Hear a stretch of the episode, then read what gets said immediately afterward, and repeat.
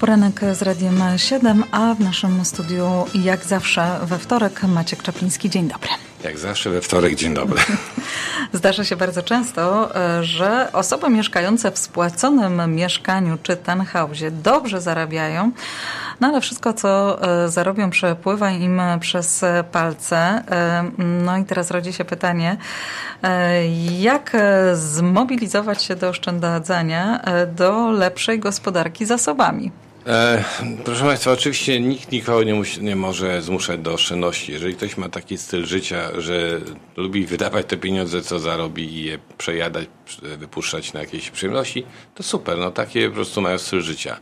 Natomiast też również można powiedzieć, że ci wszyscy, którzy lata temu na przykład byli odważni, bo e, kupili nieruchomości, myśląc bardziej o tym, że brakuje im dachu nad głową i myśląc bardziej o tym, że gdzieś rodzina musi mieszkać, a nie chcieli po prostu wydawać pieniądze na opłaty mortgage'owe. Dzisiaj są, znaczy na opłaty związane z rentowaniem. Dzisiaj są oczywiście w pozycji ludzi niezwykle, niezwykle e, szczęśliwych, no bo ich nieruchomości nabrały zdecydowanie znacznie na e, wysokości, na wartości. E, no i w tej chwili praktycznie wielu z nas, ludzi, których ja znam, ma domy czy kondominia już dawno spłacone.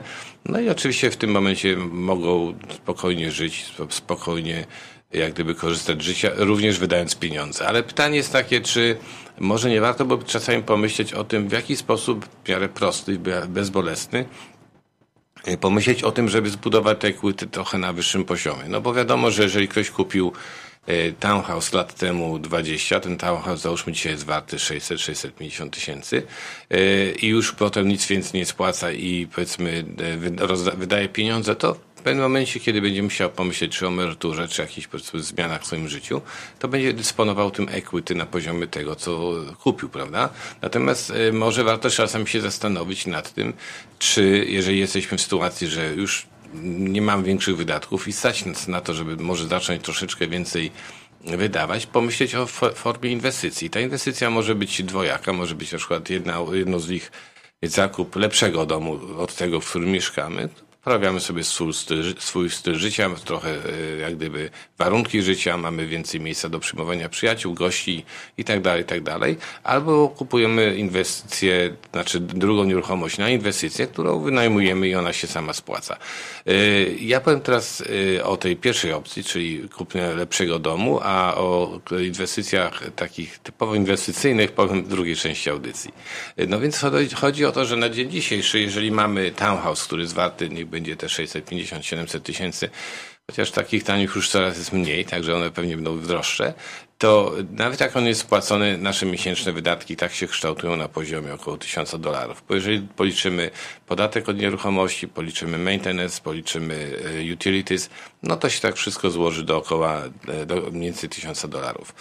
I y, to, tak jak powiedziałem, ten townhouse będzie wzrastał na poziomie 3-4% skali roku. Oczywiście w ostatnich paru latach te wzrosty cenowe były zdecydowanie wyższe, ale mówmy o taki statystyczny, który normalnie funkcjonuje. Czyli przyrost powiedzmy od 600 tysięcy w skali roku, 5% y, to będzie prawdopodobnie jakieś 30 tysięcy dolarów przyrostu wartości. Natomiast gdybyśmy powiedzmy dołożyli troszeczkę do naszych wydatków, czyli pomyślelibyśmy o domu, który może być domem jednorodzinnym, y, może na większej działce, może z podwójnym garażem, to co w sumie o czym często ludzie marzą, y, Taki dom na dzień dzisiejszy oczywiście będzie dużo, znacznie droższy. On będzie, dzisiaj to już tak naprawdę mówimy ponad milion dolarów, y, ale różnica między tym, co uzyskamy z, ze sprzedaży townhouse'u, a zakupie domu tak naprawdę nie jest aż taka duża. To znaczy różnica w cenach nie jest aż taka duża i jeżeli na przykład będzie to nawet 300-400 tysięcy dolarów w cenie, to i tak y, te spłaty, które by się miesięcznie y, powiedzmy wzrosły, to będzie właśnie o, to, o tą różnicę w cenie. A załóżmy mortgage na dzień dzisiejszy, proszę Państwa, od 100 tysięcy dolarów, to jest około 425 dolarów miesięcznie w spłacie, czyli jak mówimy na przykład o, o 400 dolarach y, różnicy w, cenie, sprzedaży kondom, y, townhouse'u, a zakupy domu, y, to w tym momencie różnica w, w obsłudze około 1600 dolarów miesięcznie. Ktoś może pomyśleć, to jest dużo pieniędzy, nas na to nie stać, nie możemy sobie na to pozwolić. No tak, to, to jest prawda, ale jeżeli byśmy na przykład pomyśleli o kupnie takiego domu w którym jest, załóżmy, basement apartment, jednosypialniowy nawet, czy bachelor, na dzień dzisiejszy te mieszkania, te, te, te wszystkie właśnie y, dodatkowe apartamenty są doskonale się wynajmują, bo ludzi, y, ludzie szukają coś do wynajmowania, a z drugiej strony przynoszą dochód. Y, to jest przynajmniej 1500 dolarów miesięcznie i to jest właśnie ta różnica pomiędzy to, w czym będzie kosztowało utrzymanie domu wolnostojącego versus kondominium, w którym mieszkamy. Plusem jeszcze jest taki, że jeżeli kupimy dom yy, za powiedzmy droższy, czyli tylko powiedzmy ponad milion dolarów, to domy wolnostojące szybciej nabierają na wartości niż na przykład townhouse'y czy kondominia, no bo większość ludzi je woli.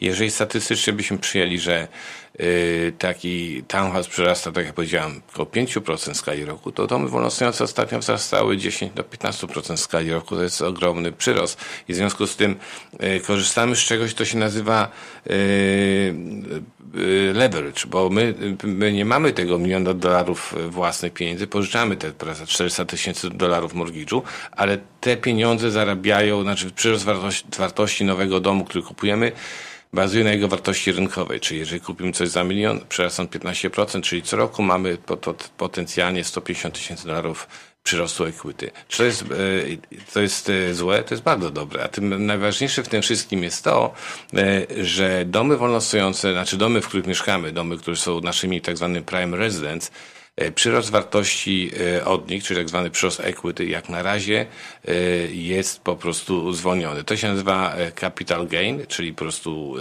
to, co zyskujemy na domu, w którym mieszkamy, jest na razie nieobjęte podatkami. Czyli jeżeli na przykład taki, taki dom sprzedamy na, po następnych 3, 4 czy 5 latach, będziemy mieć zupełnie inne zasoby finansowe niż powiedzmy siedząc w tym samym domu, o którym wspominałem na początku i wydając pieniądze na przyjemności. Robimy krótką przerwę i za chwilę wracamy do rozmowy. Hoy en mi ventana brilla el sol y el corazón se pone triste contemplando la ciudad. ¿Por qué te vas? Como cada noche desperté pensando en ti en mi reloj todas las horas vi pasar. ¿Por qué te vas? Todas las promesas de mi amor se irán contigo. Me olvidarás, me olvidarás. Junto a la estación hoy lloraré igual que un niño. ¿Por qué te vas? ¿Por qué te vas? ¿Por qué te vas? Wracamy do rozmowy z Maćkiem Czaplińskim. Wiele osób, które mają prawie spłacone townhouse czy mieszkanie, odkłada decyzję o tym, by kupić lepszy dom do momentu, kiedy pożyczka zostanie spłacona. No i teraz powstaje e, pytanie, czy czekać, czy być może dokonać zmiany bez tracenia czasu.